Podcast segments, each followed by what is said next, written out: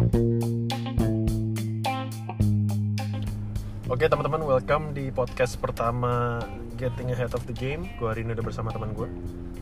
Halo semua, kenalin nama gue Joshua Evan Wiarjo Sedikit background, gue masih semester 7 di Prasetya Mulia, jurusan bisnis uh, Gue juga ada day job di perusahaan makanan ringan, snack uh, Khususnya snack Indonesia Dan perusahaan kita ini tipenya FMCG Jadi kita jualannya ke supermarket, minimarket, dan restoran uh, Gue juga lately, gue udah devoted waktu gue Dan gue ini passionate banget di value investing investing di public companies especially di Indonesia. Uh, gue ngerasa baik banget manfaatnya dan mungkin gue di sini gue juga masih terus belajar tapi gue juga punya kerinduan buat membagikan apa yang gue ngerti di sini. Jadi hari ini kita akan sedikit diskusi uh, soal stocks teman-teman ada tiga hal yang mau kita highlight hari ini yaitu uh, what is stock? What are stocks ya? Pada istilah apa itu uh, saham pada umumnya secara definitif secara uh, real? Dan yang kedua adalah kenapa? Kenapa stocks? Kenapa kita harus berinvestasi di saham? Dan yang ketiga adalah beberapa variabel penting yang harus diperhatikan dalam saham Nah, uh, lu sendiri udah berapa lama nih di main di value investing? Oke, gue pertama kali buka account saham modal gue 100 ribu itu saat gue SMP di SPM Sekolah Pasar Modal di BI di Sudirman. Tapi gue baru mendalami value investing benar baru tiga tahun terakhir. Jadi saat, pas gue buka account saham gue nggak langsung value investing. Gue uh, muter-muter dulu di dibeli-beli nggak jelas beli jual atau gue muter-muter dulu di forex tapi baru tiga tahun dan dua tahun ini baru gue fokus gue tahu oh harusnya gue fokus di value investing Berarti pada saat SMP itu adalah uh, waktu pertama lo buka account sekuritas berarti ya? Iya, gua modal gue 100 ribu dan gue buka account sekuritas Trimegah. Nah, berarti dari sini teman-teman mungkin bisa lihat juga bahwa berinvestasi mau itu reksadana atau saham bukan hal yang sulit ya apalagi waktu itu lo masih SMP dan lo sudah punya account sekuritas dan mungkin sedikit motivasi juga lah buat teman-teman jadi tidak sesulit yang kalian bayangkan nah yang pertama apa sih saham itu menurut lo? Ah, saham itu gini ya, uh, eh, gue ngeliat uh, miskonsepsi yang terjadi banyak di masyarakat dan di teman-teman gue juga. Uh, saham itu banyak yang orang anggap saham itu judi lah, saham itu gambling, saham itu cara cepat kaya. Uh, gue berani jamin bagi kita semua di sini yang belajar saham, nggak mungkin tahun depan kita langsung jadi milioner, langsung punya 14 miliar, kita langsung punya miliar, enggak. Tapi saham itu adalah the real ya, the real underlying truth ya kalau kata Pak Jo uh, saham itu adalah share lu kepemilikan lu ownership lu akan suatu perusahaan yang lu beli. Jadi misalnya gue beli saham BRI technically itu gue langsung memiliki gue sebagai owner dari BRI itu. Kalau BRI punya laba laba yang dibagikan sebagai dividen gue berhak atas dividen itu. Sekecil apa pun kepemilikan lu di perusahaan itu kan? Iya. Lu harus anggap mindset saham itu adalah bisnis bukan saham bukan trading bukan apa. Lu harus anggap bis uh, saham itu adalah kepemilikan lu di suatu saham. Karena stereotip negatif orang akan saham kan lebih ke oh saham tuh judi mungkin hari ini harganya 100 besok bisa 200 naik tiba-tiba kan. Ya memang stigmanya dari dulu seperti itu kan ya. Iya tapi yang gue mau highlight di sini enggak. Saham itu adalah kepemilikan lu dari suatu usaha.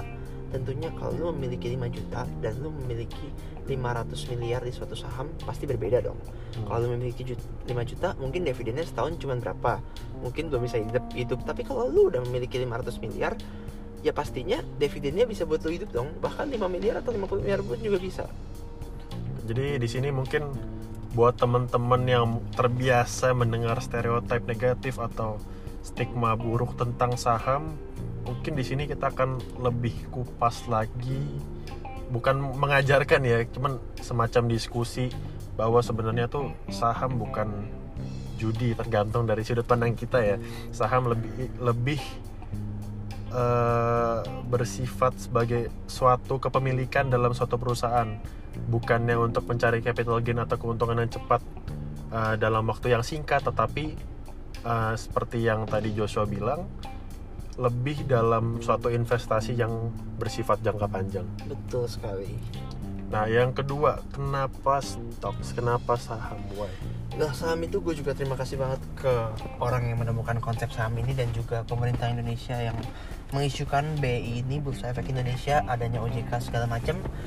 Saham adalah salah satunya vehicle untuk memungkinkan masyarakat kita memiliki ekonomi yang merata. Gue dengan modal 5 juta atau gue dengan modal 500 juta pun gue bisa memiliki perusahaan apa pun yang ada di BI. BI sekarang ada 600 emiten yang terdaftar yang melantai di bursa. Dengan gue yang modal 5 juta gue berkesempatan gue memiliki hak yang sama untuk membeli usaha yang publik. Jadinya ini adalah pemerataan ekonomi yang baik. Gue bisa beli bank yang terbaik di Indonesia gue bisa beli pertambangan yang terbaik di Indonesia gue bisa beli perusahaan consumer yang terbaik di Indonesia mungkin Unilever atau Indofood dan saham itu adalah gimana ya kalau anda sebagai kepemilikan saham gini apabila anda kita semua ingin kaya dan berhasil ya orang 100 besar di Indonesia ataupun orang 100 besar di dunia mereka metrik mereka kekayaan mereka itu dari jumlah saham yang mereka miliki dan harga saham yang mereka miliki. Contohnya saya kasih saran saya kasih tahu Jeff Bezos Warren Buffett dan Bill Gates. Mereka bisa jadi top 3 of the world bahkan Bernard Arnold. Arnold yang juga punya LVMH LVMH by the way untuk teman-teman di sini yang pakai tas LV perusahaan kalian bisa beli perusahaan itu LVMH dari Indonesia tapi bisa di listing di bursa bursa lain. Nah empat atau tiga orang terkaya ini mereka kenapa bisa terkaya? Karena harga saham mereka tinggi jadi sangat disayangkan kalau bapak ibu di sini ingin untuk making money atau ingin gak harus super rich tapi kaya biasa aja. Tapi bapak ibu nggak mengerti saham karena kekayaan orang atau ekuitas suatu orang itu ditentukan dari saham yang dia miliki dari suatu perusahaan dan fluktuasi harga dan harganya itu berapa. Makanya Warren Buffett itu dia kekayaannya bisa 82 billion 1000 triliun rupiah. Bahkan lebih dari 1000 triliun. Bahkan lebih itu karena apa? Karena ya harga saham dia itu segitu yang dia miliki. Kalau misalnya harga saham dia perusahaan dia Berkshire Hathaway tiba-tiba dari sekarang harga sahamnya ribuan jadi cuma 10 dolar ya net worth dia dari 80 billion hanya sesuai dengan share itu dikalikan 10 dolar. Iya cuman cuman jadi million doang. Jadinya bahkan anda kaya atau tidak ditentukan dari harga saham yang anda miliki. Jadi sangat disayangkan kalau di sini bapak ibu ingin berhasil ingin berjuang tapi tidak mengerti akan apa itunya saham itu apa begitu. Jadi kayak seolah-olah lu pengen bilang jangan sampai menyia-nyiakan kesempatan untuk ikut algoritmanya kan seperti itu kan. Betul betul banget bro. Nah uh, mungkin satu gambaran ya buat teman-teman juga di sini kenapa uh, mereka bisa sekaya itu? Mungkin orang-orang sekelas Warren Buffett orang-orang sekelas Bill Gates mungkin dari dulu kita tahunya mereka sekaya itu ya karena uang cashnya segitu kan bro iya. cuman kan uh, begitu kita udah mulai uh, dig in mulai kita pelajari tentang saham mereka sekaya itu kan bukan berdasarkan cash yang mereka punya tetapi berdasarkan share yang mereka punya itu kenapa uh, banyak media banyak uh, website bisa predik kekayaan mereka adalah dari jumlah share mereka dikalikan dengan harga pasar yang terjadi. Betul. Dan saham itu transparan ya.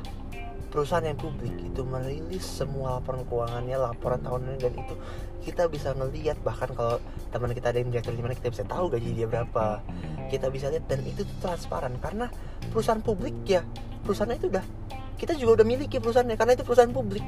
Kita memiliki hak untuk membeli perusahaan itu memang ya ada memang ada pro kontranya perusahaan publik lah. Di satu sisi dengan adanya laporan per kuartal uh, transparansi perusahaan kita bisa lihat kinerja perusahaan seperti apa. Tapi bahayanya untuk perusahaan publik kadang-kadang move atau plan yang disiapkan oleh perusahaan itu ya bisa aja terbaca kan. Karena dengan adanya transparansi tapi ya itu kontra lah itu bisa di uh, mungkin dibahas untuk lain waktu lah.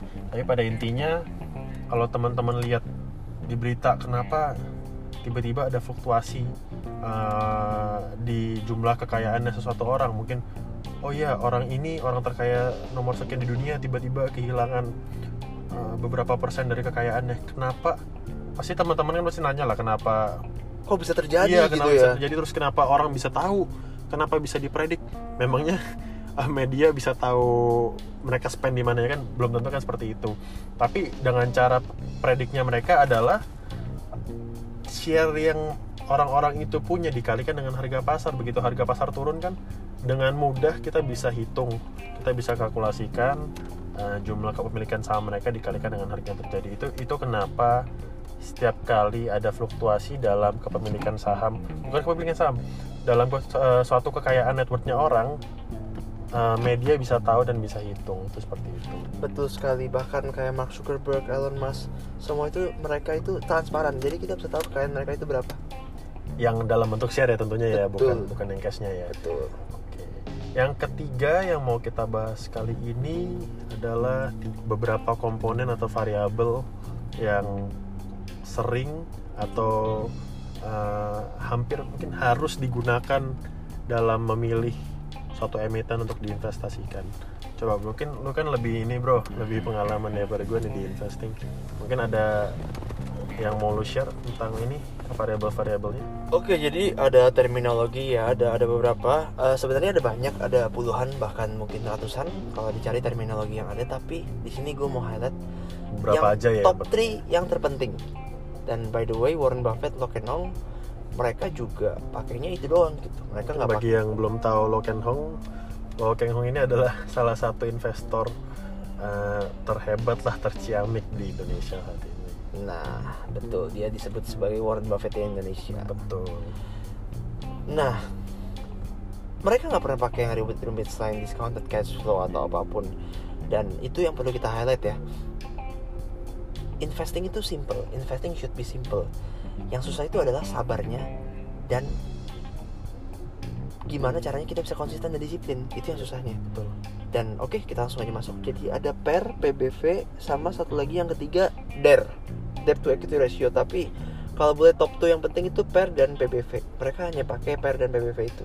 Atau mereka pakai 80% lah PER dan PBV. Apa itu PER? PER itu adalah price to earning ratio. Jadi misalnya, kan kita beli saham itu kan ada harganya dong, ada price-nya. Nah, harga yang kita bayar itu seberapa kalinya sih dari Laba labanya sesungguhnya. ya. Misalnya nih, saya beli BNI pernya sekarang 7, BRI sekarang pernya 14. Kalau saya beli BNI 100 juta, kemungkinan saya akan mendapat 100 juta itu balik selama 7 tahun nggak pasti tapi kemungkinan. Karena per perusahaan kan berubah-berubah terus. Tergantung labanya naik labanya turun atau harganya naik harga turun. Tapi itu diproyeksikan kalau kita beli sekarang 100 juta saham BNI ya kurang lebih sekitar 7 tahun kita akan mendapat 100 juta ini akan double jadi 200 juta. Gitu. Berdasarkan earningnya ya berdasarkan, berdasarkan laba bersih. labanya. Nah itu per teman-teman jadi bisa di highlight untuk yang nomor satu adalah per price to earnings ratio Oke, untuk yang kedua kita langsung masuk ke PBV ya. Jadi PBV ini kita bisa katakan sebagai book value. Book value itu yang kita lihat bukan aset, tapi itu equity. Nah, sekarang saya bisa sharing juga dikit. Ada juga yang disebut ALE. Aset sama dengan liabilities plus ekuitas. Yang dimaksud book value itu bukannya aset. Itu adalah ekuitasnya. Ya. Jadi sekarang misalnya ekuitas perusahaannya itu adalah 10 triliun perusahaan apa coba yang kita saya 10 triliun ada bisa tinggal cari. Nah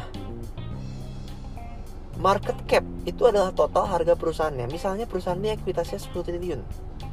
Lalu market capnya itu 10 triliun berarti PBV nya satu. Tapi di bursa nggak pernah ada perusahaan yang market cap dan ekuitasnya tuh sama persis. Yang ada misalnya ekuitasnya cuma satu triliun tapi market capnya bisa 2 triliun. Artinya PBV nya udah dua gitu. Istilahnya untuk mempermudah ya terminologinya. PBV adalah eh, harga sahamnya dibandingkan dengan harga ekuitasnya kan. Harga total harga sahamnya dibandingkan dengan ekuitas. Betul. jadi, jadi umpamanya seperti eh, katakanlah ekuitasnya bukan aset ya? Ya ekuitas bukan aset. Karena tadi ada yang tadi Joshua bilang eh, rumus ALE aset sama dengan liabilitas plus ekuitas. Nah di sini kita bisa umpamakan bila misalnya saya sendiri ingin eh, membangun sebuah restoran ya katakanlah restorannya butuh modal 1 m. Tapi duit yang gue punya ini cuman 100 juta nih gue harus minjem ke bank 900 juta. Berarti gue mendirikan satu restoran itu dengan modal gue sendiri 100 juta dan dengan utang 900 juta kalau dimasukin ke rumus A sama dengan L plus E itu asetnya adalah total harga total harga restoran yang gue bangun itu yaitu 1 M. Dan liabilitas plus ekuitasnya adalah 900 plus 100 liabilitasnya 900 yaitu utang yang tadi gue uh, pinjam dari bank dan 100 juta yang memang modal gue sendiri. Nah itu hal yang sama seperti yang tadi Joso jelaskan antara uh, eh, PBV dalam suatu perusahaan. ah betul sekali. Jadi misalnya gini ada orang yang bilang wah gue punya aset nih 500 M misalnya. Oh kan jangan seneng dulu coba kalian teliti. Asetnya 500 M itu semuanya ekuitas atau ada utang. Jadi belum Kalo, tentu ya misalnya asetnya besar itu semua dari mereka sendiri kan misalnya utang. Bisa, bisa iya. misalnya saya sekarang saya mau saya duit saya cuma 100 juta. Ah saya mau punya ah aset 500 juta. Bisa anda langsung datang ke bank. Pinjam 400 pinjam 400 juta. Berarti aset kalian udah 500 juta. Tapi perlu diingat bahwa 400 juta itu adalah liabilities atau utang yang harus kalian balikan ke bank. Nah itu itu salah satu uh, variabel pentingnya di PBV jadi PBV pada dasarnya jika ekuitas uh, suatu perusahaan itu hanya 50 dan ternyata market capnya adalah uh, 100 di PBV-nya dua kali dua kali lipat. Dan semakin besar PBV-nya ya semakin uh, secara ka, secara kasar ya ya nggak worth it lah. Semakin besar PBV-nya kan semakin overvalue semakin mahal. Tapi itu tergantung juga tergantung dari uh, point of view-nya orang-orang seberapa layaknya suatu PBV itu berapa angka yang ideal untuk suatu PBV oke. Nah sekarang kita yang ketiga ada apa? Yang ketiga DER debt to equity ratio. DER debt to equity ratio. Balik lagi ke neraca yang tadi kalian udah catat yang ALE aset sama dengan liabilitas dan ekuitas. Liabilitas adalah utang ekuitas adalah modal kita. Nah DER adalah debt to equity ratio. Tadi kita ada sebut liabilitas dan ekuitas. Dan ini der debt dan ekuitas. Ada yang sama tapi yang beda adalah debt dan liabilitas. Tapi sebenarnya sama hanya kata-kata yang beda. Debt to equity ratio semakin besar persentasenya itu semakin gawat. Karena kita nggak boleh punya perusahaan yang utangnya banyak. Kecuali kalau perusahaan itu adalah perusahaan perbankan itu beda. Skemanya beda. Misalnya bapak ibu sekarang taruh 100 juta di bank BCA secara tidak langsung bank BCA itu taruh di laporan keuangannya adalah Bank BCA ngutang ke Bapak Ibu 100 juta. Lo bener dong? Iya. Bapak Ibu kan taruh 100 kan juta ke kan BCA. Bukan duit. Itu kan uang Bapak iya. Ibu bukan uang BCA. Ya kalau misalnya kayak Bapak gua, Ibu gua parkirin naruh, di iya, BCA. Kayak gue naruh 100 juta di BCA kan bukan berarti 100 juta itu uangnya BCA kan, tapi biasa kayak seolah-olah ngutang ke gue. Seolah-olah. Iya. Tapi ya semakin rame yang dalam tanda ngutip ngutang itu ya semakin laku banknya dong. Betul. Dan di dalam hal ini berarti dernya semakin besar ya semakin laku lah perusahaan itu. Tapi, Tapi itu hanya di perbankan saja. Perbankan saja. Untuk di tempat lain, kalau misalnya der ada nih perusahaan der 500 persen, wah itu udah gawat. Kalau 500 persen itu artinya apa? Artinya dia ngutangnya liabilitas dia 500 juta atau 500 m atau 50 m atau 5 m ekuitasnya dia hanya 100 juta ekuitasnya 100 juta bapak bayangin kalau bapak beli perusahaan bapak nggak cuma beli untungnya doang tapi bapak juga beli utangnya juga bapak beli gitu loh. Jadi jangan jangan lupa kalau bapak tuh juga beli utangnya. Karena kita beli suatu kepemilikan perusahaan bukannya bukannya kita hanya beli untungnya doang kan tapi kita juga beli semua lah. Sama ya untungnya lah ya kerugiannya utangnya semua kita beli. Betul. Jadinya debt itu harus rendah mungkin. Saya bisa saranin debt itu hanya 40% atau 50% dernya dari ekuitas anda. Der yang nggak ada tentu juga tidak boleh. Tapi ya janganlah lebih dari 50% lah kalau bisa. Ya angka idealnya lah ya dari tuh 50% ya. Tapi ya memang metriknya berbeda-beda tiap jadi, industri juga beda-beda standarnya. betul. Dan kalau mau umpamanya juga cukup uh, mirip sama yang tadi uh, kita sempat share. Seandainya uh, gua ngutang 900 juta ke bank dan gua pakai modal gua sendiri 100 juta untuk bangun satu restoran der gue berarti 900 juta dibagi 100 juta. Berarti, bayangkannya 900 persen kan? Nah, nah itu itu der yang terlalu tinggi. Der yang terlalu tinggi 900 persen. Ingat jangan carilah perusahaan yang utangnya gede tapi carilah perusahaan dengan untung yang besar dengan ekuitas yang besar. Karena kalau kita memiliki perusahaan dengan untung yang besar kita seperti memiliki mesin pencetak uang ya memang kalau mau ngomong matrix ya nggak ada habisnya ya. Nggak ada kalau kalau mau ngomong matrix soal investment ya banyak masih ada IPS masih ada ROI sebenarnya itu semua kita bisa pelajarin dari di Betul. buku-buku dan di internet di YouTube banyak tapi di sini di podcast karena kita nggak bisa lama-lama jadi kita cuman kasih tiga penjelasan yang paling relevan lah yang paling sering dipakai Betul. lah apalagi ini juga dipakai sama eh, Warren Buffett dan Logan Paul. ya profesional profesionalnya yang sudah di industri mereka sudah lama dan ya tergantung juga sih kita nggak bisa maksa orang harus pakai uh, metrik yang ini karena tergantung kembali lagi ke orangnya lebih relevan untuk menggunakan metrik yang mana Betul. Dan tiap industri pun beda-beda ya. Bapak Ibu nggak bisa bandingin uh, eh, uh, PPR dan PBV perbankan dengan PER dan PBV di pertambangan atau di consumer atau di jasa keuangan. Jadi PER dan PBV itu sangat berbeda. Misalnya, apakah PER di perbankan 6 itu udah murah, tapi mungkin di pertambangan 6 itu udah tinggi. Jadi bandingkanlah PER dan PBV itu pada sektor yang sama pada sektor yang sama. Iya. Jangan di mix mix sektor yang beda.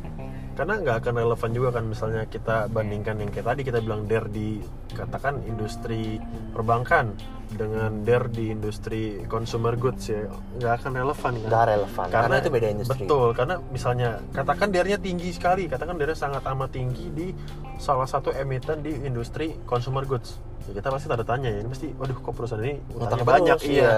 tapi Ada apa? apabila kita ngelihat dernya ini der di perusahaan Perbankan. perbankan ya kita kan nggak mungkin lihatnya wah ini perusahaan ngutang nih bank ngutang tapi kan ngutangnya kan dalam tanda kutip kan duit ya, eh, duit duit duit nasabah nasabah, iya juga, kan, duit semakin- kita juga. betul semakin ramai nasabahnya semakin dernya tinggi itu untuk yang perbankan kalau di industri lain ya sektor-sektor lain semakin dernya tinggi ya semakin utangnya banyak utang ya karena kan di industri lain kan gak ada nasabah bro Betul, Bro. Nah, tapi itu beberapa lah. Mungkin dari kalian juga kalau misalnya mau uh, research lagi masih banyak, banyak banget. Kalau ngomong matrix nggak ada habisnya lah. Betul, betul, betul. Iya, tapi uh, itu dulu yang kita cover hari ini. See you on the next podcast. Stay tune. Oke.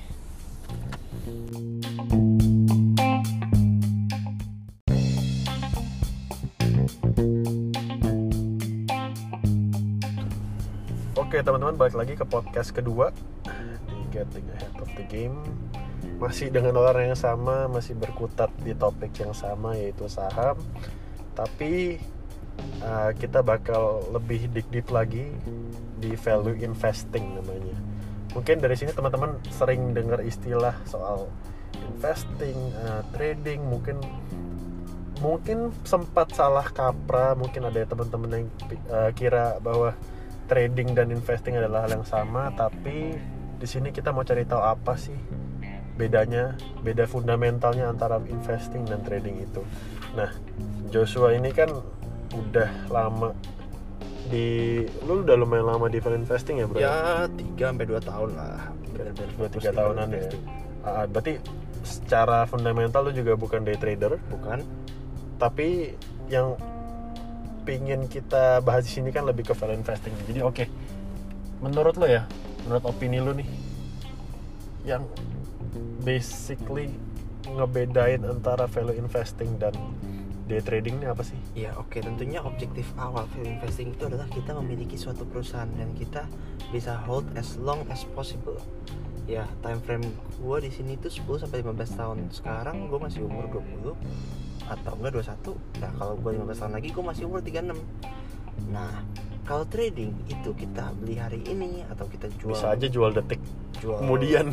kemudian atau satu jam kemudian atau nanti jam 3 sebelum market tutup atau bahkan satu bulan. Nah menurut saya di sini ada seribu satu cara untuk mencari uang di pasar modal tapi kalau circle kompeten saya ya di value investing gitu. Saya nggak pernah menyalahkan orang-orang yang trading atau orang-orang yang day trader. Tapi di sini yang saya mengerti itu adalah value investing. Karena apa? Karena value investing itu adalah kita membeli suatu perusahaan dan waktu setahun waktu dua tahun untuk perusahaan tuh singkat banget lah. Bagi teman-teman yang udah pernah berusaha setahun tuh nggak ada apa-apanya lah. Jadi untuk lu expect growth yang exponential kan lu butuh time frame yang lebih panjang kan. iya betul banget betul banget. Jadi kayak misalnya nih teman-teman bikin perusahaan apa? Perbankan. Kan teman-teman nggak mungkin langsung setahun itu langsung menanam langsung memetik hasilnya gitu. Dibutuhkan juga waktu yang lama untuk kita itu bisa benar-benar bisnis kita ini bisa establish. Entah waktu itu lima tahun, enam tahun, pas 10 tahun. Itu dia makanya kita harus give time for our investment to grow. Dan itu berarti secara nggak langsung juga ngomong bahwa investasi yang lu lakukan kepada suatu emiten atau ke suatu perusahaan dengan growth yang dialami oleh perusahaan itu ya proporsional juga kan. Apabila yang perusahaannya uh, kinerjanya baik bertumbuh dengan baik berarti ya nilai saham yang lu punya sendiri kan juga akan seiring waktu kan bertambah. Pasti ekuitas kita seiring waktu akan bertambah.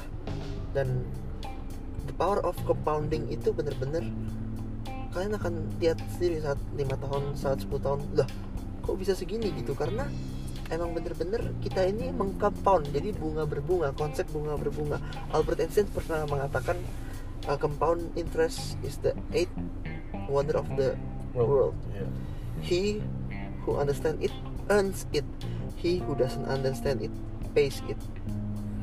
Jadi dengan kata lain apa yang lu dapat dari investasi itu lu, lu kembali investasikan lagi kan? Betul Jadi di sini memang dibutuhkan kesabaran yang ekstra, kesabaran yang lebih, time frame yang lebih panjang, yang seharusnya mungkin kalau dilakukan oleh day trader bisa memetik hasil dalam waktu yang lebih singkat, mungkin dalam harian atau mingguan. Tapi untuk value investor, uh, time frame-nya pasti akan lebih panjang. Uh, memang seperti yang tadi Joshua juga udah bilang, uh, cara untuk mencari profit dari pasar modal ya 1001 lah. Hmm, nggak betul. akan nggak akan bisa dikuasai juga semuanya. Betul betul. Itu juga opsional itu pilihan dari masing-masing kita Banyak dari teman-teman Roma. juga. Betul banyak jalan menuju Roma. Tapi yang memang sedang ditekuni Joshua ya di value investing. Dan itu membutuhkan kesabaran, yang ekstra Kesabaran, banget kalau gue sendiri sih wah gila sih gue nggak bakal nggak bakal sesabar itu lah lu bayangin aja gue untuk day trading aja gue ngelihat harga satu tick turun dikit aja udah panik kan. Tapi kan kalau value investing itu nggak terlalu ngelihat fluktuasi harga secara harian secara basis harian. Lebih ke fundamental perusahaan dalam jangka waktu yang lebih panjang. Makanya value investor nggak terlalu takut dengan perubahan harga harian ya berarti ya. Betul betul Terus pernah nggak lu ngelihat contoh perusahaan secara real nih yang dalam jangka waktu panjang itu? Katakan lu proyeksikan 10 tahun. Pernah nggak dalam 10 tahun itu ada yang ngalamin uh, kenaikan yang eksponensial? Oh banyak. Banyak ya? Eh, tentunya kita sekarang masih di negara berkembang dan untuk kita bisa memilih perusahaan atau emiten yang akan berkembang itu kita gampang aja. Negara berkembang pasti kita 10 tahun atau 20 tahun di belakang negara yang maju contohnya di Amerika atau di Eropa atau di mana pun yang lebih maju dari kita. Mereka perusahaan yang masih established adalah perbankan. Perbankan mereka masih strong profit mereka masih bagus. Kalau ada orang yang bilang cabang-cabangnya tutup itu karena orang-orang hanya pindah ke mobile banking and internet banking. Bukan karena laba atau earningnya mereka jatuh.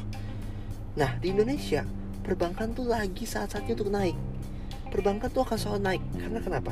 Misalnya orang usaha apa pun dia punya uang dia dapat untung pasti dia taruh bank. Nggak mungkin dia taruh di di kasur di bawah rumah. Bapak ibu deposito pasti taruh di perbankan. Gitu loh. Perbankan tuh akan selalu berkembang. Dan saya di sini juga pernah membandingkan dari tahun 2009 sampai tahun 2019 dari Mandiri, BNI, BRI, BBCA perbankan itu rata-rata kenaikan mereka itu 700% 10 tahun dari 2009 sampai 2019 dan stabil kan dan stabil. Uh, yang paling stabil uh, kita tahu sendiri Pak Jaja kita tahu sendiri BCA itu sangat stabil ya.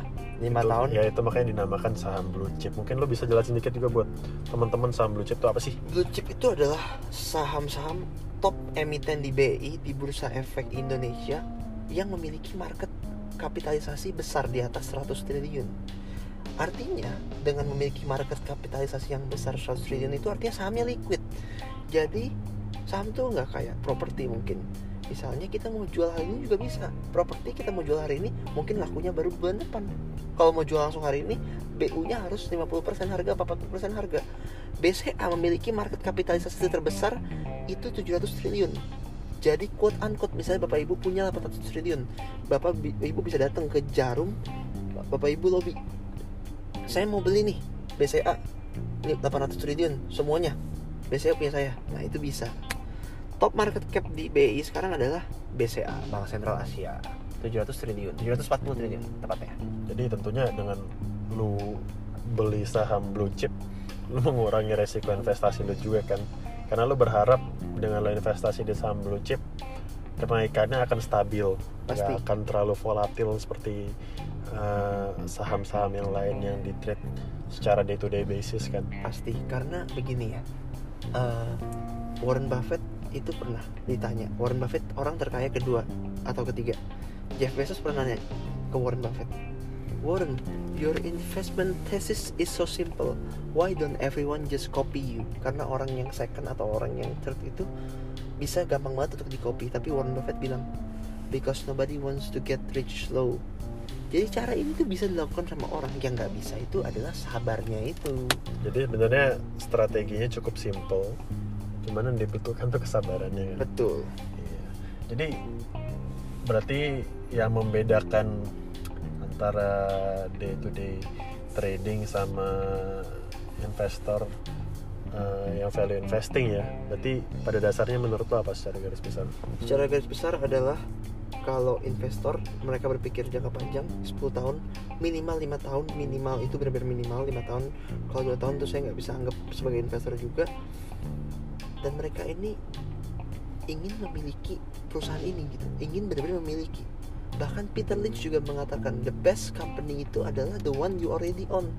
Jadi kalau misalnya kita udah punya 5 atau 4 perusahaan yang kita tahu 10 tahun 15 tahun lagi bakal bagus ya udah kita nggak usah repot-repot kita kita nggak perlu bener tentang ada 600 emiten di BI kita nggak perlu bener 100 emiten. Kita hanya perlu 5 atau 4 yang itu bener selama 10 tahun dan kita bisa retire loh. Bisa loh kita bisa retire loh. Ini ini cerita nyata gitu loh. Berarti highlightnya di sini adalah perbedaan paling signifikan yang kelihatan di sini adalah time frame. Time frame betul. Time frame. Time dan frame. kesabaran. Ya kesabaran. Kesabarannya ya pasti dibutuhkan lebih di value investing Betul. dengan time frame yang lebih besar Betul.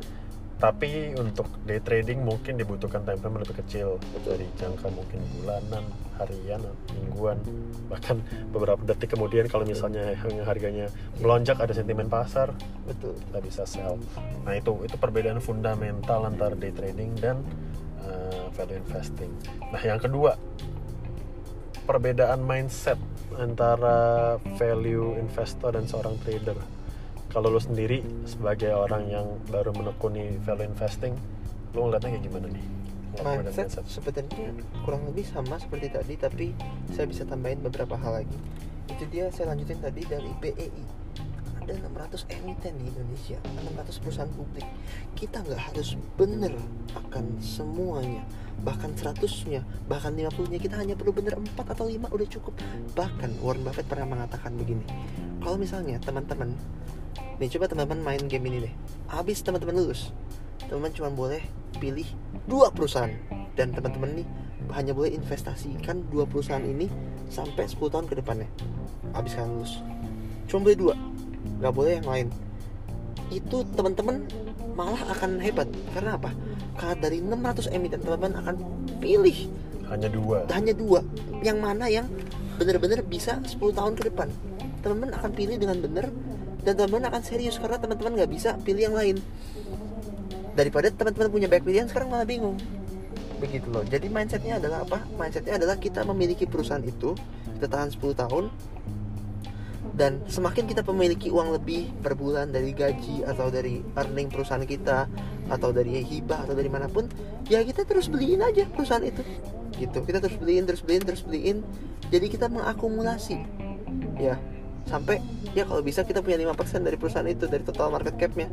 Nanti nama kita bisa ada. Di Ya, karena, karena kalau lo punya lebih dari 5% dalam suatu perusahaan publik kan nama lo kan harus memang dipublish juga. Iya, contohnya Pak Lo Ken Hong punya eh, 12% dan sekitar 6% di saham PTRO dan saham MBSS. Kita bisa lihat di situ ada nama Pak Loken Hong. Berarti di sini sebenarnya mindset perbedaan mindset antara seorang value investor sama trader juga lumayan mirip dengan yang tadi kita bahas ya tentang uh, perbedaan fundamental antara day trading sama ini ya Iya, lumayan sama mirip. Value investing yang ujung-ujungnya akan berkutat di time frame. Satunya tentang uh, perbedaan time frame satunya adalah persepsi atau mental orang terhadap time time frame itu. Yes. bagaimana cara lu bisa ngatur kesabaran lu untuk lu mau invest selama itu kan? Betul, betul. kalau lu sendiri di portfolio lu uh, berapa time frame yang udah lu set? Time frame yang gue set di portofolio gue Baik lagi karena tadi gue masih umur 21 Time frame gue adalah 15 tahun Uh, 15 10, tahun, 10 bro. tahun mungkin gue akan nge-sell lah dikit-dikit pertama kali. 10 tahun gue umur 30 mungkin ada kebutuhan untuk beli rumah atau beli mobil atau beberapa kebutuhan lain mungkin gue akan sell. Tapi bersyukur kalau gue udah bisa hidup dari dividennya ya. Kalau gue udah hidup dari dividennya gue nggak perlu sell perusahaannya jadi gue hidup dari dividennya tapi nggak usah gue ambil full dividennya. Mungkin dari dividen yang gue dapat gue pakai 30% gue pakai 40% bahkan terus Buffett- investasikan kembali kan Betul, Iya. gue investasi lagi, gue gue gulung lagi itu yang namanya dibilang compound interest, ya. Dan juga Warren Buffett juga pernah bilang, our favorite holding period is forever. Holding period dia is forever. Nah, gue juga nggak forever, 15 tahun juga udah oke kok. BRI dan mungkin beberapa beberapa emiten-emiten lainnya yang yang gue rasa time frame gue itu ya ya 10 tahun 15 tahun itu gitu Jadi mungkin di sini teman-teman bisa lihat kalau balik lagi ini memang ke soal uh, persepsi masing-masing, uh, keputusan masing-masing. Apabila memang teman-teman bukan yang tipe sabaran ya, yang kayak gue nih jujur aja kan gue ini bukan orang sabaran nih. Uh, untuk value investing mungkin gue kurang cocok bukan karena gue nggak bukan karena gue pikir value investing itu hal yang uh, baik hal yang profitable tapi mungkin gue belum bisa sabar sama time frame-nya. Iya. Tapi balik lagi seandainya gue punya kesabaran yang itu seandainya gue punya kesabaran yang at least kayak lu lah bisa nahan 15 tahun ya wah itu dengan sangat mudah gue bisa tahu proyeksi ke depannya gue bisa dapat berapa berapa berapa ya. Balik lagi memang ke kesabaran. Oke itu yang nomor dua. Sekarang nomor tiga tadi yang kita udah bahas di podcast pertama kan soal beberapa metrik ini ya metrik investment ya. Iya. Balik lagi coba kita refresh lagi. Menurut lu lu sebutin aja yang lu lihat sebelum lu investasi ke suatu emiten. Apa sih yang lu lihat variabelnya? Variabelnya gue lihat per uh, per industri tentunya.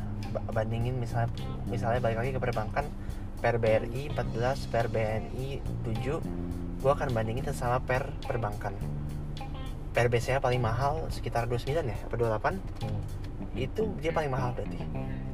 Dibanding setiap in- setiap uh, kompetitor di perbankan industri perbankan. Ya bagi berarti bagi teman-teman yang belum uh, dengerin podcast pertama di situ kita juga bahas beberapa uh, variabel-variabel yang dipakai dalam value investing seperti PER, DER, PBV dan uh, banyak yang lainnya. Jadi salah satu yang Joshua pakai di uh, value investmentnya dia di portfolio dia adalah PER yaitu price to earnings ratio. Dan yang kedua PBV, PBV juga oke buat dipakai. PBV itu adalah price to book value. Tentunya misalnya ekuitas perusahaan kita ada 100 miliar, tapi market cap kita cuma 80 miliar. Berarti PBV kita 0,8, artinya under value. Hanya ada di bursa saham Indonesia. Orang mau menjual perusahaannya seharga 80 miliar padahal dia punya ekuitas 100 miliar. Hanya ada di Berarti- bursa saham Indonesia. berarti kayak dia menjual perusahaan lebih murah daripada harga seharusnya itu kan. dia yang dikatakan perusahaan under value. Kalau di dunia nyata nggak mungkin kita bisa ketemu Yes, PBV sekali.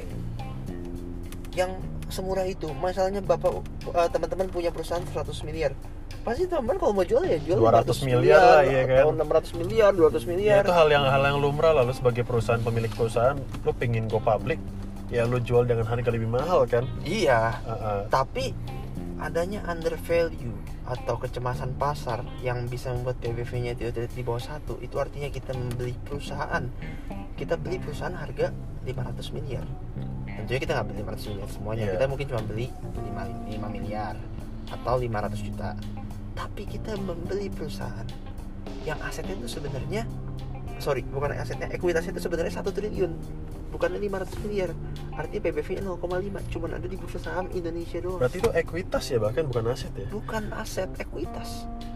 Jadi di sini teman-teman bisa lihat eh, betapa beragamnya emiten-emiten ada di Indonesia.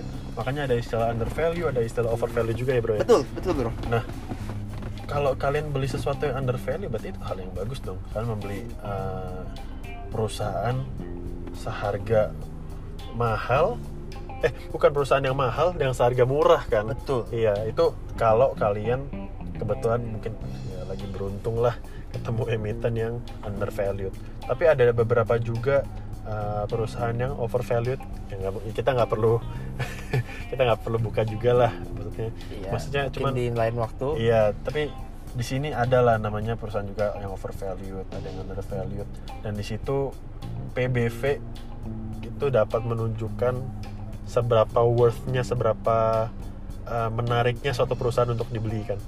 Sam- makanya itu jadi metrik salah satu metrik yang andalan lu ya, metrik yang Betul. pakai juga kan. Itu PER dan PBV. Nah, yang keempat, yang terakhir nih sebelum kita tutup, apakah menurut lu ada cara lain, ada alternatif lain selain uh, investasi di saham yang bisa juga lu sebut value investing? Jadi uh, nggak perlu buka akun sekuritas lah atau nggak perlu uh, de- uh, trading atau investasi saham, tapi bisa disebut juga sebagai value investing. Menurut lu, apakah value investing itu strictly berinvestasi, menginvestasikan modal, menginvestasikan uang di saham atau, ada alternatif lain menurut lu? ya sebenarnya alternatif lain ada tapi nggak banyak. Contohnya begini misalnya kita udah tahu historis data di Indonesia dan data di US saham is the best choice karena saham itu memberikan imbal hasil terbaik. Misalnya kita ke BRI Bank Rakyat Indonesia. Ada tiga yang bisa kita lakukan taruh obligasi di sana. Taruh obligasi itu artinya perusahaan itu utang sama kita. Bener-bener kita mungkin dapat return berapa persen 7 persen 8 persen bahkan kita bisa beli obligasi pemerintah.